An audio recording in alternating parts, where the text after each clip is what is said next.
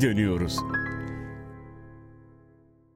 Geri dönüyoruz'un yeni bölümünden yeniden merhaba. Yine ben Mahir Ünsal Eriş ve kıymetli hocam Töre Sivrioğlu'yla birlikte güzel şeyler konuşmak, geriye bakmak için, geriye dönmek için bir araya geldik. Hocam nasılsın? İyiyim Mahir sen nasılsın iyi misin? İyiyim hocam ben de şikayet etmeyeyim hayatımdan. Bıyıklarını kestirmişsin sanırım. Evet açıkçası bu program kaydının görüntülü olmamasından dolayı sevinçliyim diyebilirim. Galiba ben bıyıklı doğmuşum hocam. Kendimi bıyıksız çok tuhaf hissediyorum artık. Şimdi hocam bugün biraz doğudan ve batıdan bahsedelim istiyorum. Buna ben karar veriyormuşum gibi de gelsin istemem.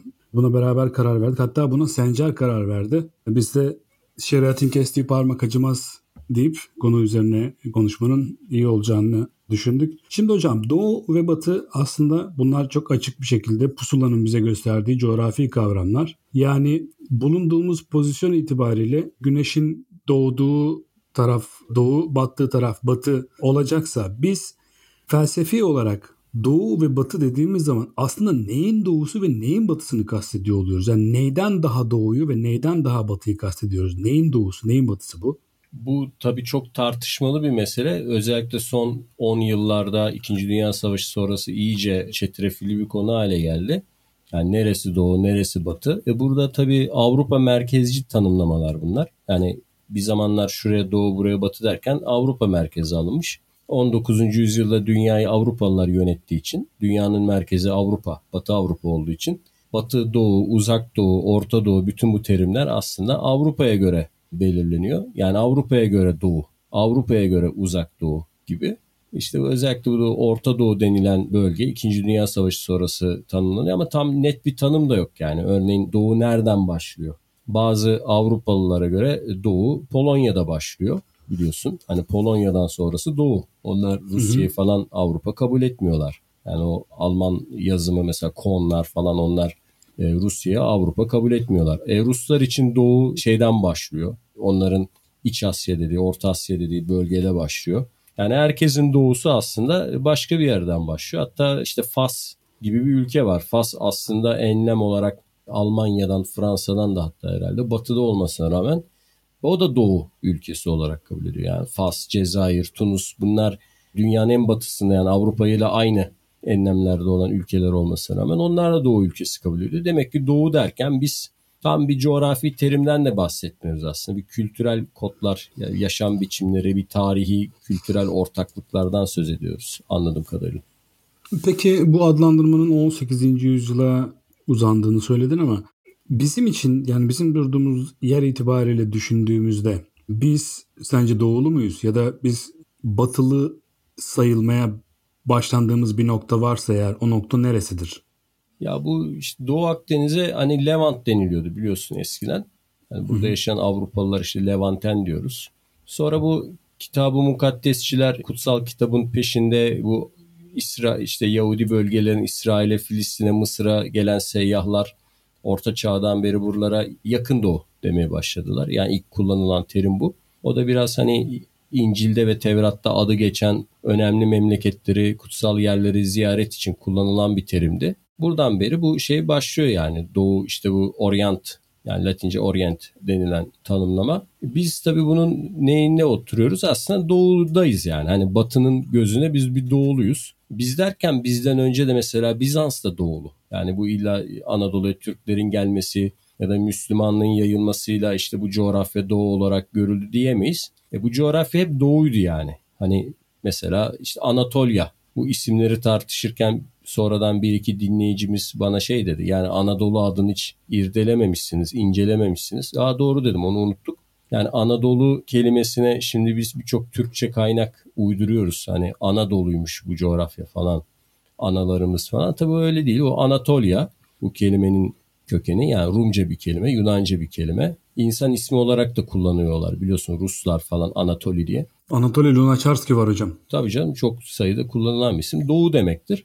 Yani Yunanca'da doğu sözcüğü yön anlamında Anatoli, Anatolia adı doğu demektir. Çünkü işte Yunanlıların doğusuna yer aldığı için bu Küçük Asya dediğimiz yarımada. Demek ki o zaman da buralara doğu deniliyordu yani. Biz antik Yunan'dan beri bu coğrafya bizim yaşadığımız bizim ülkemiz Türkler gelmeden önce de, Müslümanlaşmadan önce de, yani Bizans zamanında da derslerden hatırlarsın Anatolikon teması, Bizans'ın batı bölgelerinin idari teşkilat o temalar vardı ya, o Anatolikon hı hı. teması diye geçiyor işte Batı Anadolu. Bu isim Türklere de geçiyor. Tabii Türkler bunu hani Anadolu diye yuvarlıyorlar ve daha sonra da işte bu ne anlama geliyor diye merak eden öğrencilere de hani ne şiş yansı ne kebap işte bunun Yunanca olduğunu da biraz da söylememek için biraz işte o Anadolu efsanesine dönüştürüyorlar bunu. Aslında bu da bir Yunanca doğu demek. Yani biz aslında coğrafya olarak batının gözüne yani Avrupalıların gözüne Bizans'tan beri doğuluyuz, doğudayız. Ama biz şu an hala doğulu muyuz? Kültürümüz tamamen onların tarif ettiği anlamda doğulu bir kültür mü? Tabii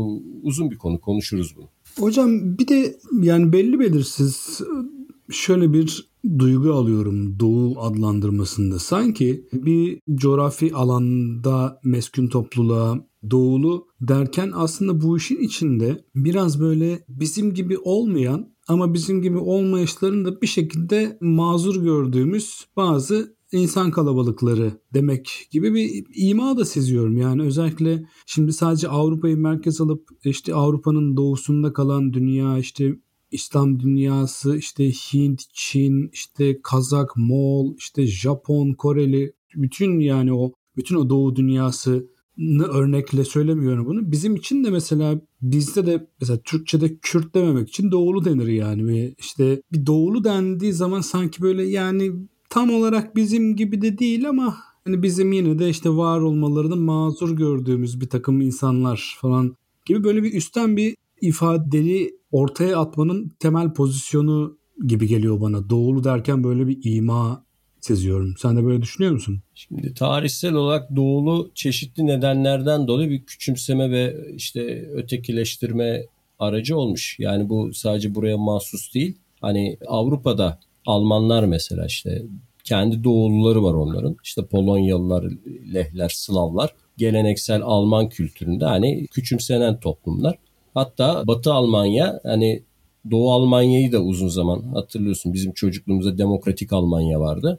Yani İnsanlar duvarın orasından burasından kazıp üstünden atlayıp batıya kaçarlardı. Yani Doğu Almanya bir yani Doğu Alman saati, Doğu Alman malı, Doğu Alman üretimi dendiği zaman hani bu küçümseyici bir ifadeyle söylenirdi. Doğu Avrupa'da Batı Avrupa'nın doğusu olarak bu şey imgeyi kazanmış. Yani bu son 300-400 yıldır özellikle yani doğulu ülkelerin kültürde ve uygarlıkta üstün oldukları o 13. 14. yüzyıla kadar ki dönemin ortadan kalkmasından beri yani doğulu olmak bir yandan dediğin gibi biraz hor görülen, küçümsenen bir şey olarak anlamda kazanmış. Yani bu doğulu demek sadece yani bir coğrafyada yaşayan insan demek değil.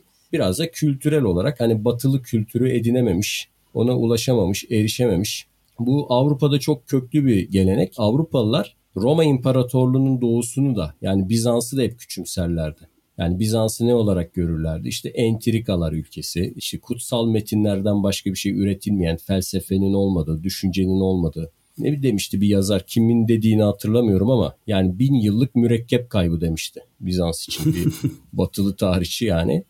Hani ya şimdi bir yandan tabii hak vermemek elde değil yani. Bizans'taki düşünsel tartışmaları incelediğinde işte meleklerin kanatları var mı yok mu, göbekleri var mı yok mu onlar da gerçek bu arada. Hani Bizans'taki temel tartışmalar da pek Avrupa Rönesansı'ndaki tartışmalar gibi değil. İşte İkonolas, İkonodul kavgalarını falan hatırlarsan yani Bizans'taki kültürel, entelektüel boyutlar da hani Batılıların biraz o hakir görecekleri şeyleri yaratıyor. Ama neticede ana onlar Batı'da Doğu'ya karşı böyle bir küçük görme geleneği son 600-700 yıldır. Yani çok orta çağın neredeyse içlerine kadar inen Haçlı Seferleri dönemine kadar inen bir bakış açısı var. Yine de doğulu dendiğimizde bugün çok göğsümüzü gere gere savunduğumuz bir şey olduğunu söyleyemeyiz herhalde. Yani bugün çıkıp modern Türkiye'de ben doğuluyum demek ya da biz doğuluyuz demek biraz cesaret isteyen bir şey herhalde. Yani çok sağlam argümanlarla desteklenmesi gereken bir şey. Ben hani tam karşılığı değil tabii ama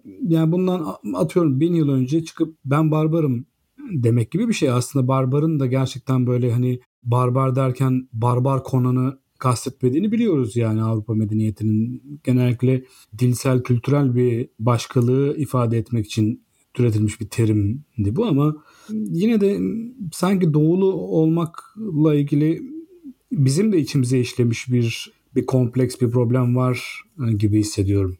Burada iki taraflı bir diyalektik bir konu var. Yani şimdi Batı'nın doğuya yaklaşımı aşk nefret ilişkisi gibi. Yani bir doğuya nefret var, küçümseme var. Hani doğu kadının köle olduğu, işte insanların sadece şehvet duygularına sahip olduğu, zamanın değişmediği, ilerleyemeyen, hep aynı hataları tekrar eden yani zaman dışı, tarih dışı bir yer olarak görülmüş Batı'da.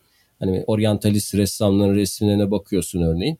O Delacroix'da falan var ya eski bir Mısır işte piramidi, bir çeşme, terk edilmiş bir saray, önünde yarı çıplak bir kadın, bir uçan alı, ne bileyim nargile, tembel tembel bakan muhtemelen işte çeşitli otlar tüketip kafası efsunlaşmış insanların böyle görüntüleri falan zamanın akmadığı, ilerleyemeyen, kendi içine çökmüş bir binlerce yıllık tarih olan ama onun içinden çıkamayan bir doğu imgesi var. Bir yandan da bu aşk da var. Yani doğuya bir hayranlık, yani oryantalist ressamların, sanatkarlar sadece bunu küçümseme anlamında değil. Bir yandan da tuhaf bir hayranlıkları da var ama hayran oldukları şeyler de aslında. Yani onlar da biraz hayali.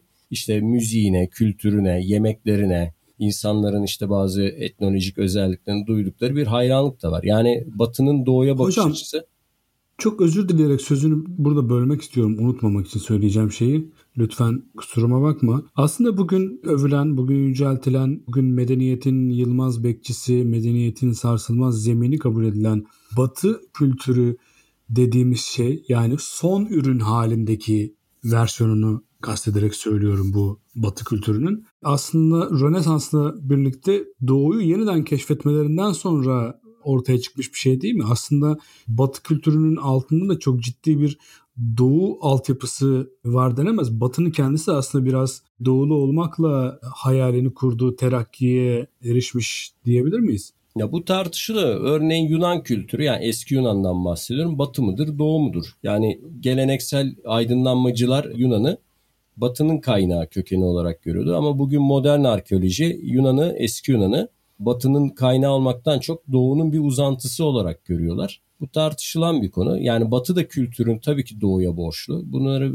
değişik zamanlarda konuşmuşuzdur seninle. Örneğin işte alfabeyi konuşurken söylemiştik. Dinleri konuşurken söylemiştik. Yani Batı kültürünün inşasında Akdeniz'in doğu kısmı yani Levant denilen yani Orient denilen işte bölgelerin büyük katkısı etkisi de var ama onun için işte hem hayranlık hem de küçümseme duygularının bir arada olmasının sebebi de bu zaten. Örneğin işte eski Romalıları düşün. Romalılar savaşçı bir halk, disiplinli bir halk, basit yaşayan, sade yaşamı seven, askeri kültürü seven, eşitlikçi bir halk. Yani kılıcı var, kalkanı var, başka bir şey istemiyor hayatta. Ama ne zaman ki Roma Mısır'ı ele geçiriyor, Suriye'yi ele geçiriyor, Küçük Asya'yı ele geçiriyor. O Romalılara bir haller oluyor. İşte ipekli giysiler giyiyorlar, sürme sürüyorlar, süsleniyorlar, püsleniyorlar. Marcus Antonius Mısır'a geldiği zaman işte askerleri bir bakıyor ki böyle kadınlar gibi giyinmiş, gözlerine sürme çekmiş, süslenmiş, parfümler sürmüş bir Marcus Antonius görüyorlar. Yani doğullaşmış. Ya o dönemin bakış açısıyla daha uygarlaşmış aslında. O yüzden bu küçümseniyor. Örneğin İskender'in Perslerle savaştığı zaman meşhur bir sözü vardır. Yani Perslerden korkmayın. Onların kalabalık olmasından korkmayın. İşte onlar yumuşak yataklarda yatmaya alışık, zarif, kibar bir halktır. Yani küçümsemek için söylüyor bunları, övmek için değil. yani bu o dönem bizim bugün övgü gibi düşündüğümüz şeyler yani uygarlaşmanın, kentlileşmenin, şehirleşmenin unsurları o dönem Yunanlılar, Makedonlar, Romalılar için küçümseyici şeyler. Yani doğuluyu öyle düşünüyorlar. Kadın, erkek işte süs, püs içinde, lüks içinde yaşamaya düşkün. İşte her böyle yüzükler, takılar, müzeyyen böyle şeylerle değerli maden. Buna hem özeniyorlar hem küçümsüyorlar. Yani Batı tarih boyunca Haçlı seferleri de böyle. Hem doğuyu küçümsüyor hem de onun zenginliklerine, onun işte refahına, onun elindeki varlıklara karşı bir hasret duyuyor. Örneğin işte kadın imgesi hep Batı mitolojisi öyle değil mi? Doğudan kaçırılan kadınlardır yani şey. Batı mitolojisinin özü budur. Yani İlyada da işte kaçırılan kadın. Gerçi orada Troyalı bir Yunan'ı kaçırıyor ama Fenike'den kaçırılan işte Avrupa, sonra işte Odysseus'un o Kartaca kraliçesi Dido ile aşkı falan baktığın zaman hani ya da işte Marcus Antonius'un Kleopatra ile ilişkisine baktığında yani kurulan ilişki bir nevi doğudan kaçırılan kadınlar, doğudan kaçırılan altın post mesela işte e, Doğu Karadeniz'den kaçırılan altın post hikayesi. Hep bir doğunun zenginliklerine batının bir hayranlığı, tutkusu. Doğulları hem küçümseme hem de onların zenginliklerine özenme arzusu vardı. Bu tabii son 304 asır öncesine kadar böyleydi. Yani doğu daha zenginken. Baharat yolları, ipek yolları doğudayken Avrupa daha fakirken böyleydi. Bu tabii bugün için böyle değil yani. Hani o zenginlikler el değiştirdikten sonra özenen bu sefer doğu oldu. Şimdi doğu batıya özeniyor. Yani biz şimdi batılılar gibi olmak istiyoruz. Biz batılı olmak istiyoruz. Doğulu olmak istemiyoruz. Onun senin bahsettiğin o değişimin sebebi yani doğulu olmaktan gurur duyarken şimdi artık bunu saklama isteğinin oluşması zenginliklerin artık doğudan batıya transferiyle ilgili bir konu. Yani bugün teknoloji, uygarlık, sanat aklımıza ne geliyorsa hani batıda doğuyu geçtiği için doğal olarak insanlar artık batılı olmak istiyorlar. Batılı gibi olmaya çalışıyorlar. Özenti şeyleri değişti, kutupları. Peki doğunun artık zenginlik üretemiyor olmasının temel sebebi nedir? Ya bu tabii iktisat tarihiyle ilgili, sosyal tarihle ilgili, dinlerle ilgili yani uygarlıkların seyrinde biliyorsun hani şey derler nehirlerin kıyısına başladı uygarlıklar. Yani ilk uygarlıklar nehir uygarlıklarıdır. İşte Dicle, Fırat, Mezopotamya uygarlığı, Nil uygarlığı, Indus ve Çin'deki bu işte Sarı ırmak uygarlığı vesaire. Sonra nehirlerden denizlere kaydı uygarlık merkezi. İşte Akdeniz yani Romalılar devrinde bir uygarlık merkezi oldu ya da Çin-Japon denizi. Sonra da okyanuslara kaydı zenginlik ve uygarlık merkezi. Bugün işte dünya borsaları finans merkezleri, en çok işte ticari işlerin olduğu yerler okyanus kıyılarındaki kentler. İşte New York'muş, Tokyo'ymuş vesaire gibi. E, Londra'ymış. Yani okyanus bölgelerine doğru gidince zenginlik merkezleri kayınca bizim bu klasik doğu coğrafyası zaten ticaret yollarının periferisine kaldı. Bu bilinen hikayelerden biri. Burada tabii şey de var yani zihinsel olarak doğu toplumları bin yıl önceki gibi bir İbni Rüşd, ne bileyim bir Farabi, bir İbni Nefis, bir İbnül Heysem ya da işte bir İbni Batuta ya da İbni Haldun gibi isim çıkarabilecek durumda değiller. Bunu görüyoruz yani bugün dünyaya yön verecek beyinler, entelektüel düşünceler, görüşler, tartışmalar buralarda olmuyor. Sanat açısından da böyle yani. yani bugün dünyada sanat, kültür vesaire dediğimiz zaman hatta spor dediğimizde bile yani şöyle düşün çok fakir Güney Amerika ülkeleri bile sanatta, sporda yani bugün çok zengin Arap ülkelerinden fersah fersah yani ölçülemeyecek derecede ilerideler. Bunların düşünülmesi gerekiyor. Yani sadece tabii zenginlik de değil. Mesela Arap ülkelerinin bir kısmı çok zengin. Ama onlarda da sanat yok. Düşünce yok, bilim yok, festival yok, ne, ne bileyim müzik yok. Yani da daha fakir Arap ülkeleri sen onların bir kısmını gezdin gördün. Yani Mısır, Lübnan, Suriye gibi ülkeler şeyden daha fakirdir. Körfez ülkelerine göre ama onlar da sanat, entelektüel hayat, tartışma kültürü, düşünce hayat falan daha zengindir yani neticede. O yüzden tam şey de diyemeyiz.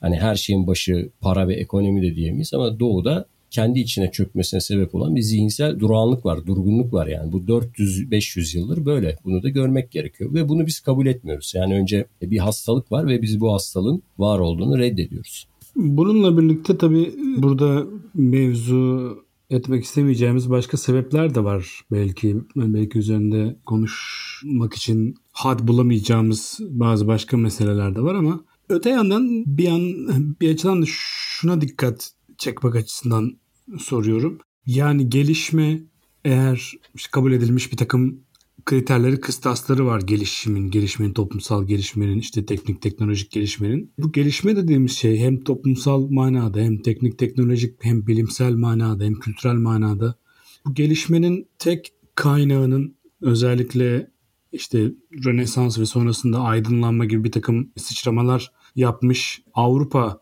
olarak görülmesine rağmen bir yandan da İkinci Dünya Savaşı'ndan sonra dünyanın yani kürenin doğu en doğu tarafında yaşanan bir takım sıçramalarla aslında gelişimin sadece Avrupa'ya has bir şey olmadığı, olmayabileceği, doğu tipi gelişimin de söz konusu olabileceği, işte Güney Kore, işte Japonya, Çin, Tayvan gibi işte çeşitli merkezlerden başka türden bir gelişim eğrisinin kaynaklanabileceği örnekleriyle karşılaştık. Yani bu ülkeler sadece teknik, teknolojik, bilimsel anlamda gelişme gösteren yerler değil.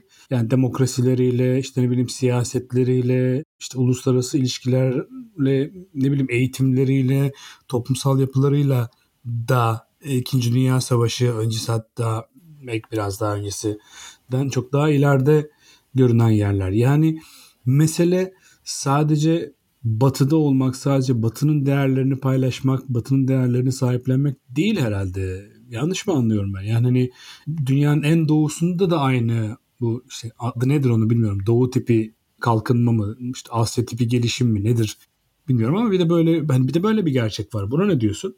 Bu güzel bir yaklaşım oldu. Bunu açıklamak gerekiyor. Biz burada doğu derken hani batıya en yakın doğu bizim coğrafyamız olduğu için biz genelde doğuyu yani Orta Doğu diyelim daha rahat anlaşılması için.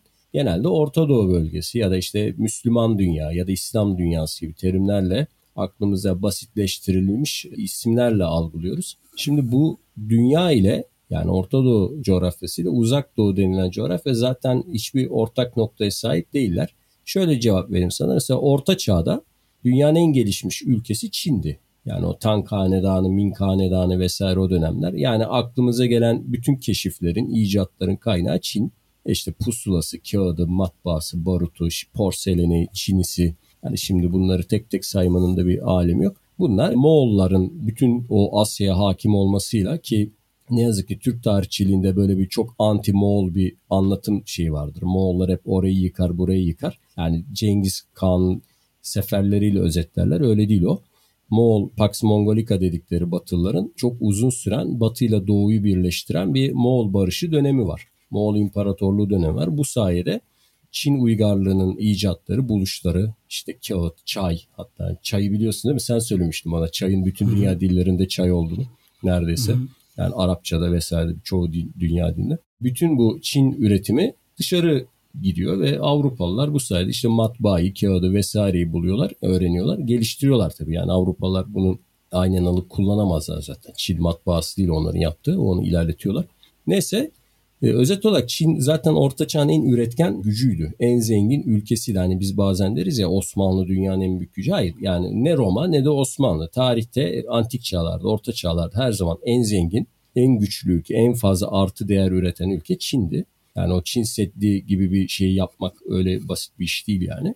Neticede bu Çin kültürü ve uygarlığı zaten büyüktü. Bunlar sömürgecilik döneminde bir geriye çöktüler, içlerine çöktüler. Bunların bir Çinlilerin 17. yüzyılı bir sebepleri hala tam anlaşılamayan bir durağanlaşma dönemleri var. Bazı tarihçiler şey diyor, Çin kapitalizme geçebilirdi diyor. Yani Japonya, Çin ve Kore bu üçlü Japon denizi etrafındaki o ticari kültür ve endüstrileşme hızı. Çünkü bu yel değirmenleri, su değirmenleri, işte otomatik saatler falan hepsi Çin icadı onları. Yani onlar Çin'den geliyor. Makineleşme de var yani sadece öyle kültürel gelişme değil. İşte ama diyorlar buradaki işte imparatorluk kültürü, merkezi yönetim, Konfüçyüsçü işte böyle bazı e, yasaklar, aydınlara karşı bazı yani bir lokma bir hırkacı bazı işte müdahaleler falan üst üste gelince diyorlar. Hani bunlar tam o Hollanda'daki İngiltere'deki kapitalizme sıçrama aşamasının yanına kadar gelip yani neredeyse ona kadar varıp o aşamayı atlayamadılar. Yani burjuvazi Çin'de, Kore'de ve Japonya'da bunun eşiğine kadar geldi ama bir burjuva devrimler çağı başlatıp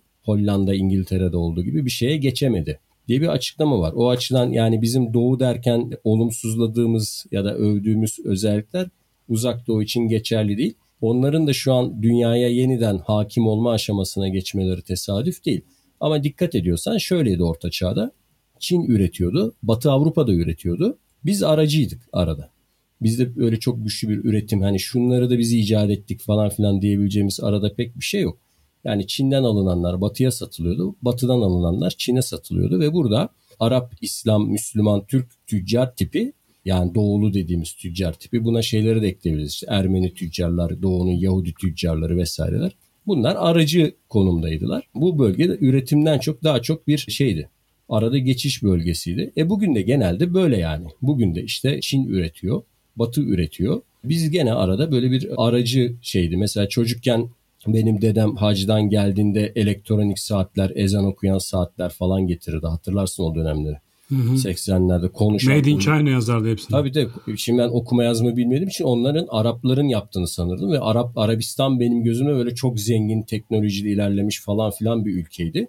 Çünkü konuşan bebek geliyor ne bileyim işte helikopter bile geliyordu yani böyle uçuyordu bildiğin uzaktan kumandayla uçuyor falan ezan okuyan saat vesaire. Ben de bunları Araplar yapıyor sanıyordum ve küçük aklımda o dönem çok böyle gelişmiş bir Arabistan vardı kafamda. Okuma yazma öğrenip de arkasına işte Made in Hong Kong, China, şudur budur, İndonezya falan bunları okuduğumda tabii düş kırıklığına uğramıştım. Meğerse bunlar şeymiş ya uzak doğudan gelip Araplar vasıtasıyla. Ama Suudi Arabistan galiba senin gözündeki imajını düzeltmek için arayı kapatmak adına bazı hamleler yapıyor şu anda bilmiyorum. Şu The Line mı? The Lane mi? Line galiba. Şu çizgi şeklinde bir şehir inşa etme projesinden haberin var mı bilmiyorum. 170 kilometre uzunluğunda bir iki ayna arasına sıkıştırılmış 200 metre genişliğinde 170 kilometre uzunluğunda bir şehir inşa etmeyi düşünüyor Suudi Arabistan şu Ya, anda. Ben şeyden etkilenmiştim daha çok. Şu çöle adını yazdıran Haddad diye biri vardı. Uzaydan gözüküyormuş o. Uzaydan bakınca çölün ortasına böyle Haddad Latin harfiyle yazmış bir de. 3 kilometre falanmış harflerin boyu. Yani adam yani yapmış yani bayağı böyle uzaydan bakınca çölün Haddad. Ben tabii böyle şeylerle bizim benim hürmetimi kazanmaları birkaç yüzyılı falan bulabilir. Benim ömrüme sığmaz o da. Yani neticede bizim bugün de doğudaki üretim yani uzak doğudaki üretim mesela işte Kore için ne diyorlar? %8'iymiş dünya ekonomisi şu an. İnanılmaz bir şey. Ama bu tesadüf değil. Bunu incelediğimiz zaman şunu görüyoruz yani o toplumlarda orta çağdan beri gelen bir kere müthiş bir disipliner kültür var. Yani işte bazıları bunu pirinç tarımına dayandırıyor. Bazıları çok depremlere jeolojik olarak genç ülkeler ya Japonya mesela. İşte yılda 2000 deprem oluyormuş Japonya'da. Tsunami oluyor. Doğal şartların insanları böyle disipline ettiği ve işte tarım kültürü, pirinç kültürü ve bu işte deprem kuşağında yaşamanın verdiği bir disiplinle beraber hani onların kalkınma yapılarının arkasına böyle bir şey olduğu iddia edilir. Örneğin o işte uzak doğuya has başarısızlığı asla kabul etmeyen kültür yapısı mesela bir uzak doğulu başarısız olduğu zaman ne yapıyor? Yani kendini öldürüyor. Yani onun adamların geleni bu. Biz başarısız olduğumuz zaman ne yapıyoruz? Başkasını suçluyoruz. Bu kadar basit yani o açıdan. Ben şeye gene inanmıyorum. Yani Orta Doğu'nun uzak doğuya örnek alarak kendisine bir dönem bu vardı. Sen hatırlıyorum 20 sene önce bayağı uğraşmıştın. Osmanlı Devleti'nin Japonya'yı örnek alması üzerine kitaplar çevirmiştin. Değil mi? Evet evet çok çevirdim. Çok çevirdim. Mertcan Hoca'ydı galiba çevirdim. değil mi? O, Hı, Mertan beraber- Hoca. Mertan Dündar. Ona da selam Mertan. gönderelim buradan. Evet yani o dönem senin elinde o kitapları hatırlıyorum. İşte Osmanlılar harıl harıl bir şey inceliyorlar. Japonya nasıl modernleşti, nasıl kalkındı, nasıl ilerledi, Rusları nasıl yendiler. Hani biz derslerde şey anlatırız hep. Batı'ya ilk meydan okumayı Türk Kurtuluş Savaşı diye anlatılır ama aslında daha doğrusu 1905 Japon-Rus Savaşı'dır yani. Hı hı.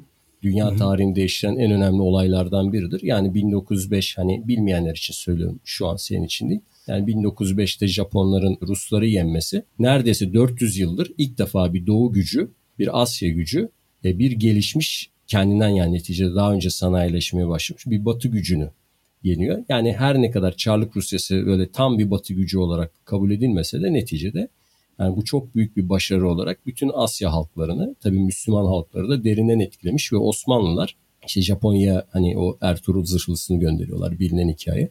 Birçok kitap çeviriyorlar. Japon modernleşmesini inceliyorlar ve böyle bir yol bulmaya çalışıyorlar. Dertleri de şu hani batılılaşmadan nasıl kalkınabiliriz? Yani biz modernleşmek istiyoruz Osmanlılar olarak ama batılılaşmak istemiyoruz. Hani bu beyazın bir karakteri vardı ya Çinli bir sevgili istiyorum ama çekik gözlü olmasını istiyorum falan gibi. Böyle bir bizim şey tarzımız var. Ya orada tarzı. biraz şöyle bir şey var. Biliyorsun Japonya'da çok yakın yüzyıllara kadar e, yabancıların adaya girmesi yasaktı. Hollandalılar dışında yabancıların ticaret yapması, mallarını getirmesi, Japonya'dan mal alıp götürmesi yasaktı. Orada zaten kapalı bir toplum yapısı e, hep kültürün bir parçası olarak mevcuttu. Ama bu e, Rus-Japon savaşı dönemiyle birlikte açığa çıkan, ya o doruğa ulaşan, bu arada onunla ilgili de 5 cilt bir kitap çevirdim. Osmanlıcadan çevirmiştin değil mi şeyleri?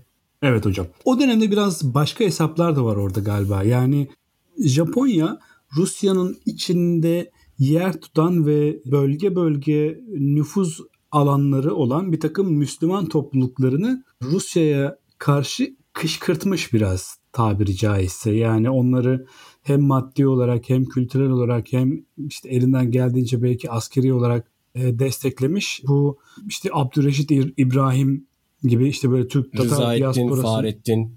Tabii o Tatar aydınları Japonya'ya gidip eğitim alıyorlar ve Müslümanları hat- İkinci Dünya Savaşı'nda bile oradaymış o.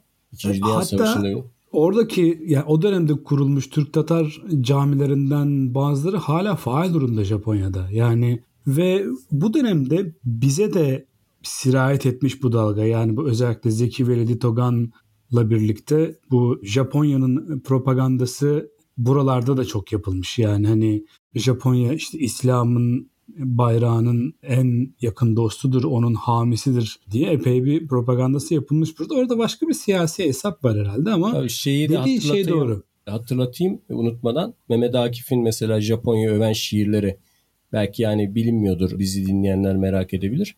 Yani Müslümanlardan daha Müslüman olduklarını Japonların yaşam biçimiyle işte aslında onlar gerçek imanı bulmuşlar sadece görüntüsü Buda diye bir şiirini hatırlıyorum. Yani Türkiye'de de o İslami hareketin o dönem Japonya'ya özel bir ilgisi var, sevgisi var. Bu dediğin gibi yani bir Çarlık Rusyası karşıtı siyasetle de ilgili ama biraz şununla da ilgili. Yani Türk sağının Batı'nın dışında bir modernleşme projesine ihtiyacı vardı. Hı hı. Yani modernleşelim ama işte özümüz, öz kültürümüz, işte bu öz kültürümüz neyse o ayrı bir, bir tartışma konusu. Bu öz kültürümüzü kaybetmeden modernleşelim. Yani o Ziya Gökalp'in kitabı var ya İslamlaşmak, muasırlaşmak, Türkleşmek. Yani hep beraber bunları yapalım. Hem Türklüğümüzü, Müslümanlığımızı kaybetmeden modernleşelim. Bunu şeyle yapmak mümkün değil. Yani Batı'yı takip ederek, tanzimatçılar gibi Batı ne yapıyorsa onaylayarak mümkün değil diye düşünüyorlar. O sırada işte Japon örneği karşılarına çıkıyor. İşte Japonya ne olarak gözüküyordu buradan? Kendi öz kültürünü koruyarak, kendi kültürel kodlarını koruyarak modernleşti. Demek biz de bunu yapabiliriz bakış açısı o dönem çok yaygın ve hala da az çok bu şeyler ara ara söylenir. Dönem dönem bunlar canlanır ama tabii iki itiraz yapılıyor buna. Bir Japonlar gerçekten kültürlerini koruyarak mı modernleştiler? Gerçekten şu an Japonya'da otantik bir kültür şeyi var mı? Bu bir. İkincisi de Japonlar bunu kültürlerine dayandırarak yaptılar ama bu bizim de kendimizi kültürümüze dayandırarak modernleşeceğimize dair bir şey oluşturur mu? kanıt sağlar mı diyor. Çünkü kültür var, kültür var hocam. Tabii. Şimdi Japonya'da dediğin gibi bir adam işe iki dakika geç kalsa utancından hani kendini böyle öldürebiliyor. Yani onu yani böyle şimdi biraz karikatürize yani, ediyorsun ama ya ya bunlar oluyor yani bu tür şeyler. Şimdi öğrencilerle biz bunları konuşurken hep şunu derdim ya arkadaşlar dedim hani biz Türk milleti ya da işte Anadolu insanı ya da kimse işte burada yaşayanlar eskiden beri bizim kültür yapımız, tavrımız bir Avrupalıya daha yakın Japon'a göre. Yani biz kültür kodu olarak Japonya'dan çok çok daha uzak ve neticede Avrupa'ya daha yakınız. Hadi Avrupa'nın en kuzeyine yakın olmayalım da yani İtalyan, İspanyol, işte Yunan, Balkan halkları falan da çok çok daha yakınız. O yüzden hani o diyordum o Türkiye için şey bir model değil yani. Hani Japonları, Korelileri baz almak, onların yaşam biçimlerini düşündüğünde disiplinel yaşamlarını ben onu çok şey görmüyorum yani. Ama Barış Manço'yu çok seviyorlar hocam. Barış Manço'nun tipini seviyorlardı. O böyle şey. Man, o şeydi bildiğin Manço hanedanı prensi gibiydi. Hakikaten böyle görüntü olarak. Geçen gün ben bir resim gördüm hatta. Orta Asya'da bir kurgandan çıkarılan bir savaşçının kıyafetiyle Barış Manço'nun kıyafeti aynı. Baya baya böyle üstü kürklü hilatlar falan filan yüzükler müzikler. Yani Barış Manço açıdan asyatik bir şeye sahipti yani görüntüye sahipti. O dönem biliyorum bizim yani şey gibi işte Moğollar gibi. Evet hocam. Yani peki şeyin içinde de yani bu Batı medeniyetinin içinde de doğular yok mu? Yani örneğin Avrupa'nın göbeğinde mesela Arnavutların çok batılı olduğunu söylemek mümkün mü? Ya da işte az önce Balkan ülkeleri dediğin için Balkan ülkelerinden örnek vermek istiyorum. Yani hani Balkan ülkeleri hakikaten de batının işte batılı diyebileceğimiz standart şartlarına uygun düzeyde batılılar mı? Yoksa ya bu Yunanlılar da... için bile Yunanlılar batılı mı? Yani düşünsene yani Yunan müziği. değiller. Yani Yunan müziği. Batılılarla tek ortak yanları Hristiyan olmaları. Hani yani bu buna zaten karşıyım. Hani din bir medeniyetin ölçtüğü şey değil ya. Bu çok yapılıyor bu hata. Yani mesela işte İslam medeniyeti, Müslüman dünya deniliyor. Müslüman dünya denince sanki Türkler ve Pakistanlılar Bangladeşliler hani aynı mutfağa, aynı kültür, aynı yaşam biçimine sahiplermiş. Yani yan yana konuldu mu çok rahat ayak uydururlarmış gibi yanılsamaya yaratıyor. Bu coğrafya ötesi bir şeye götürüyor bizi. Bunlar çok şey değil yani realist bakış açıları değil. Yani Yunanlı neticede hani ben bir dönem Özbekistan'da kaldım bir süre. Onlar sürekli et yiyorlar ve ben et yemekle pek arası iyi olmayan biriyim. Bir de at eti yiyorlar orada biliyorsun. At etini çok seviyorlar. Hı. Ben en sonunda bunu aldım ve Grek salata diye bir şey vardı. Ondan istedim. e, en pahalı yemekti. Yani orada et çok ucuz. Hatta bana acıyarak baktılar. Allah Allah dediler. Burada bu kadar koyun taze kesilmiş koyun eti varken bu adam niye böyle ot? Bir tabak getirdi adam. iki tane roka, üç tane de zeytin vardı. Ve ben buna yanımda yani bir kilo at eti yiyen adamla aynı parayı verdim falan. Ama artık özlemişim yani. Hani o Grek salata dediği şeyi bildiğin bizim işte İzmir'de her basmanede, lokantalarda şeyin... Pidecilerin pidenin yanında verdiği yani şeyler. Demir hani. tabağa koyarlardı hatta hatırlarsın böyle tenekeden evet. demir tabağı. Yiyeyim bu otu gibi. İşte böyle bir durum var. Yani bu Yunanlı kültürüne baktığımızda müziğine, tavırlarına, el kol hareketleri, kültür e, bunlar e, Avrupalı değiller yani aslında.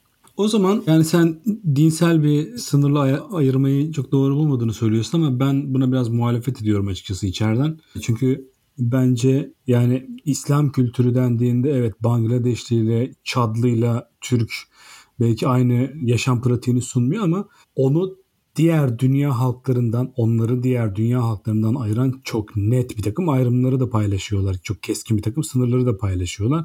O yüzden bu dinsel ayrıma karşı senin kadar katı değilim. Batı medeniyeti dediğimiz şeyi genel olarak bir Katolik, Protestan coğrafi alanı kaplayan bir şey olduğunu hatta bu yüzden işte bu bir takım Ortodoks grupları da bu dünyanın dışında bıraktığını kabul etmek mümkün belki de. Çünkü sen de Polonya'nın bittiği yerden başlar Doğu Avrupalı için demiştin. Polonya'nın bittiği yerde Katoliklik de bitiyor ve ondan sonra Ortodoksluk başlıyor. Herhalde Ortodoksları da belki de Bizans'tan kaynaklı bir bir hikaye bu. Batı dünyasının dışında tutuyorlar. Tabii muhakkak canım. Yani o yani ama şöyle yani din bunun bir parçası diyelim. Hani din temel hani bu batı şu an Ortodokslar Katolikler olarak protestan olarak ayrılmıyor doğal olarak şu anda. Bugün batı kültürü dediğimiz zaman üç bileşen. Yani bu antik miras yani Yunan Roma, işte Roma hukuku, Hı hı. Yunan felsefesi, Yunan tiyatrosu, Yunan mitolojisi, Yunan sanat anlayışı, Yunan insanlık ve beden güzellik anlayışı, altın oranları falan bunlar birinci miras. Antik Yunan ve Roma. İkinci miras Hristiyanlık elbette işte azizleriyle, kilise kültürüyle, ilahileriyle, kitabı mukaddesiyle. Reformlarıyla. Reformlarıyla elbette. Üçüncüsü de aydınlanmadan sonra gelen hani hümanizm diyebileceğimiz ya da işte modern çağın ideoloji. Batı bu üçünün bir sentezi, bileşimi. Yani Batı bu. O yüzden hani şey diyemeyiz buradan bir Hristiyanlığı çekip işte Gürcüler de batılı, Filipinliler de batılı ne bileyim işte diyemeyeceğimiz gibi. Yani antik mirası dışarıda bırakarak ya da Hristiyan mirası dışarıda bak ya da işte Fransız devrimi sonrası demokratik hümanist miras, aydınlanma çağı mirasını da dışarıda bırakarak bu şeye ulaşamayız. Bazı uzak doğulu ülkelerin şeye yakınlaşması yani Batılılarla iyi anlaşması yani işte Oscar törenlerinde Korelilerin başarı kazanması, batılı müzik ya da işte sinemalarda uzak doğuların başarı kazanması da bu. Onlar batı kültürünün bu hümanizm dönemini, aydınlanma çağını adapte edebiliyorlar. Hani demin bahsettin ya demokratik bazı kurumlar Japonya'da, hı hı. Kore'de vesaire. Hatta Çin'de bile. Çin çok otokratik biliniyor ama Çin düşünüldüğü kadar otokratik bir ülke değil. Orada da halk demokrasi denilen kendine özgü bazı uygulamalar var. Şimdi orada aydınlanma mirasına bunlar Marksizm ve liberalizm kanalıyla adapte olabildikleri için Çin, Vietnam, Japon, Kore e, coğrafyası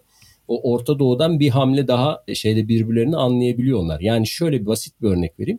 Bugün bir Amerikalı asker Vietnam'a gidip savaştığı yerleri gezebiliyor, anılarını tazeleyebiliyor, orada tatil yapabiliyor ve Vietnamlılar onları güzel karşılıyorlar. Yani bu acılar tarihe gömülsün, artık bunları unutalım diyorlar ve dostluk anlaşmaları falan yapılıyor. Ama bugün bir Amerikalı İran'a gidip bunları yapamıyor. Yani burada böyle tam da senin söylediğin gibi bir tuhaf bir şey var yani. Hani uzak doğuyla batı bazı konularda birbirlerini bu evrensel kültür, hümanizm değerleri denilen olgularda biraz daha birbirini anlayabilir aşamaya geçmişken evet o konuda dediğine katılıyorum. Aradaki coğrafya sanırım orada daha bir yani genel ya evrensel insan kültürü denilen şeyler bunlar tabii tartışılan konular da oraya ayak uydurmakta ve içe kapanıktan çıkmakta biraz zorlanıyorlar diyebilirim.